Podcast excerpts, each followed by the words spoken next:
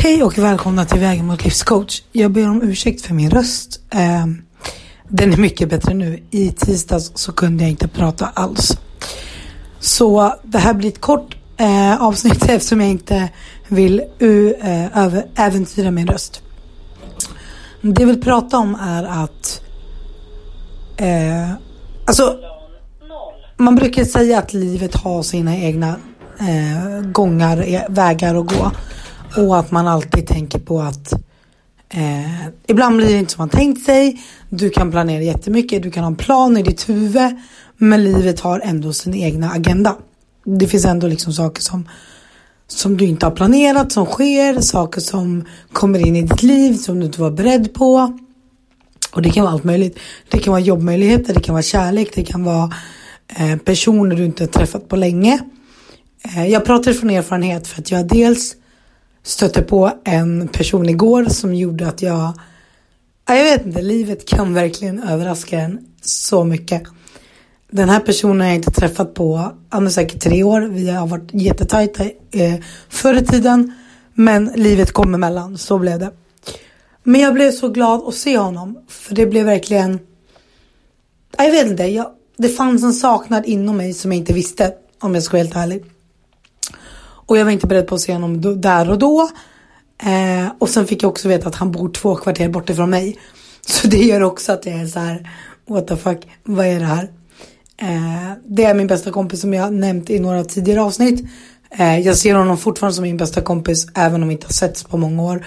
För att med honom så, ja men han vet allt. Han vet mitt bästa jag, han vet mitt värsta jag. Eh, och han fortsätter ändå säga att jag ska fortsätta vara mig själv. Det finns liksom ingenting som säger att han tycker att jag borde dämpa mig eller att jag borde mm, se över hur jag, alltså, hur jag tänker eller hur jag reagerar. Utan vad han säger att jag alltid ska vara sann mot mig själv och alltid stå i min egna sanning. Och det har jag gjort och det fortsätter jag att göra. Och det är inte lätt. Det är inte lätt i alla tillfällen. Eh, jag har stött på en annan situation där det blivit tufft eh, och där jag känner en, en saknad men jag är också så här, jag har bara gjort det jag, det jag känner att jag behövde göra för att liksom det fanns frågetecken från mitt håll. Och visst, vi tolkar saker olika, vi kan uppleva saker olika, men det handlar om att se från den andras perspektiv, så är det.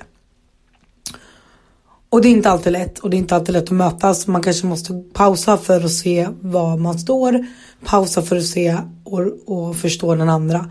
Eh, som sagt, livet är inte enkelt. Men det finns alltid oberäkneliga ting som händer. Så är det. Eh, jag är dock väldigt glad och tacksam över att ha den här personen i mitt liv och min bästa killkompis såklart. Eh, båda har en väldigt stor inverkan på mig. Båda kan jag vara mig själv med och liksom Alltså jag kan alltid vara mig själv men när man märker att man kan landa i sig själv redan från början och känna att man inte blir dömd det är en sån härlig känsla. Alltså jag älskar den känslan. Så att det jag ville prata om idag är egentligen att ja, du kan gå runt och ha planer i huvudet. Du kan strukturera upp ditt liv till max. Men det finns andra sätt som får livet att kastas omkull. Du kan påverkas av andra. Eh, dina val kan bli svårare för att det kommer in saker i ditt liv som du inte räknat med men som du fortfarande vill behålla. Så så är det. Eh, var sann mot dig själv. Eh, känn efter vad som känns rätt. Och snälla, förlora inte personer som bryr sig eller som försöker finnas där för dig. För sådana personer är värdefulla. Glöm inte det.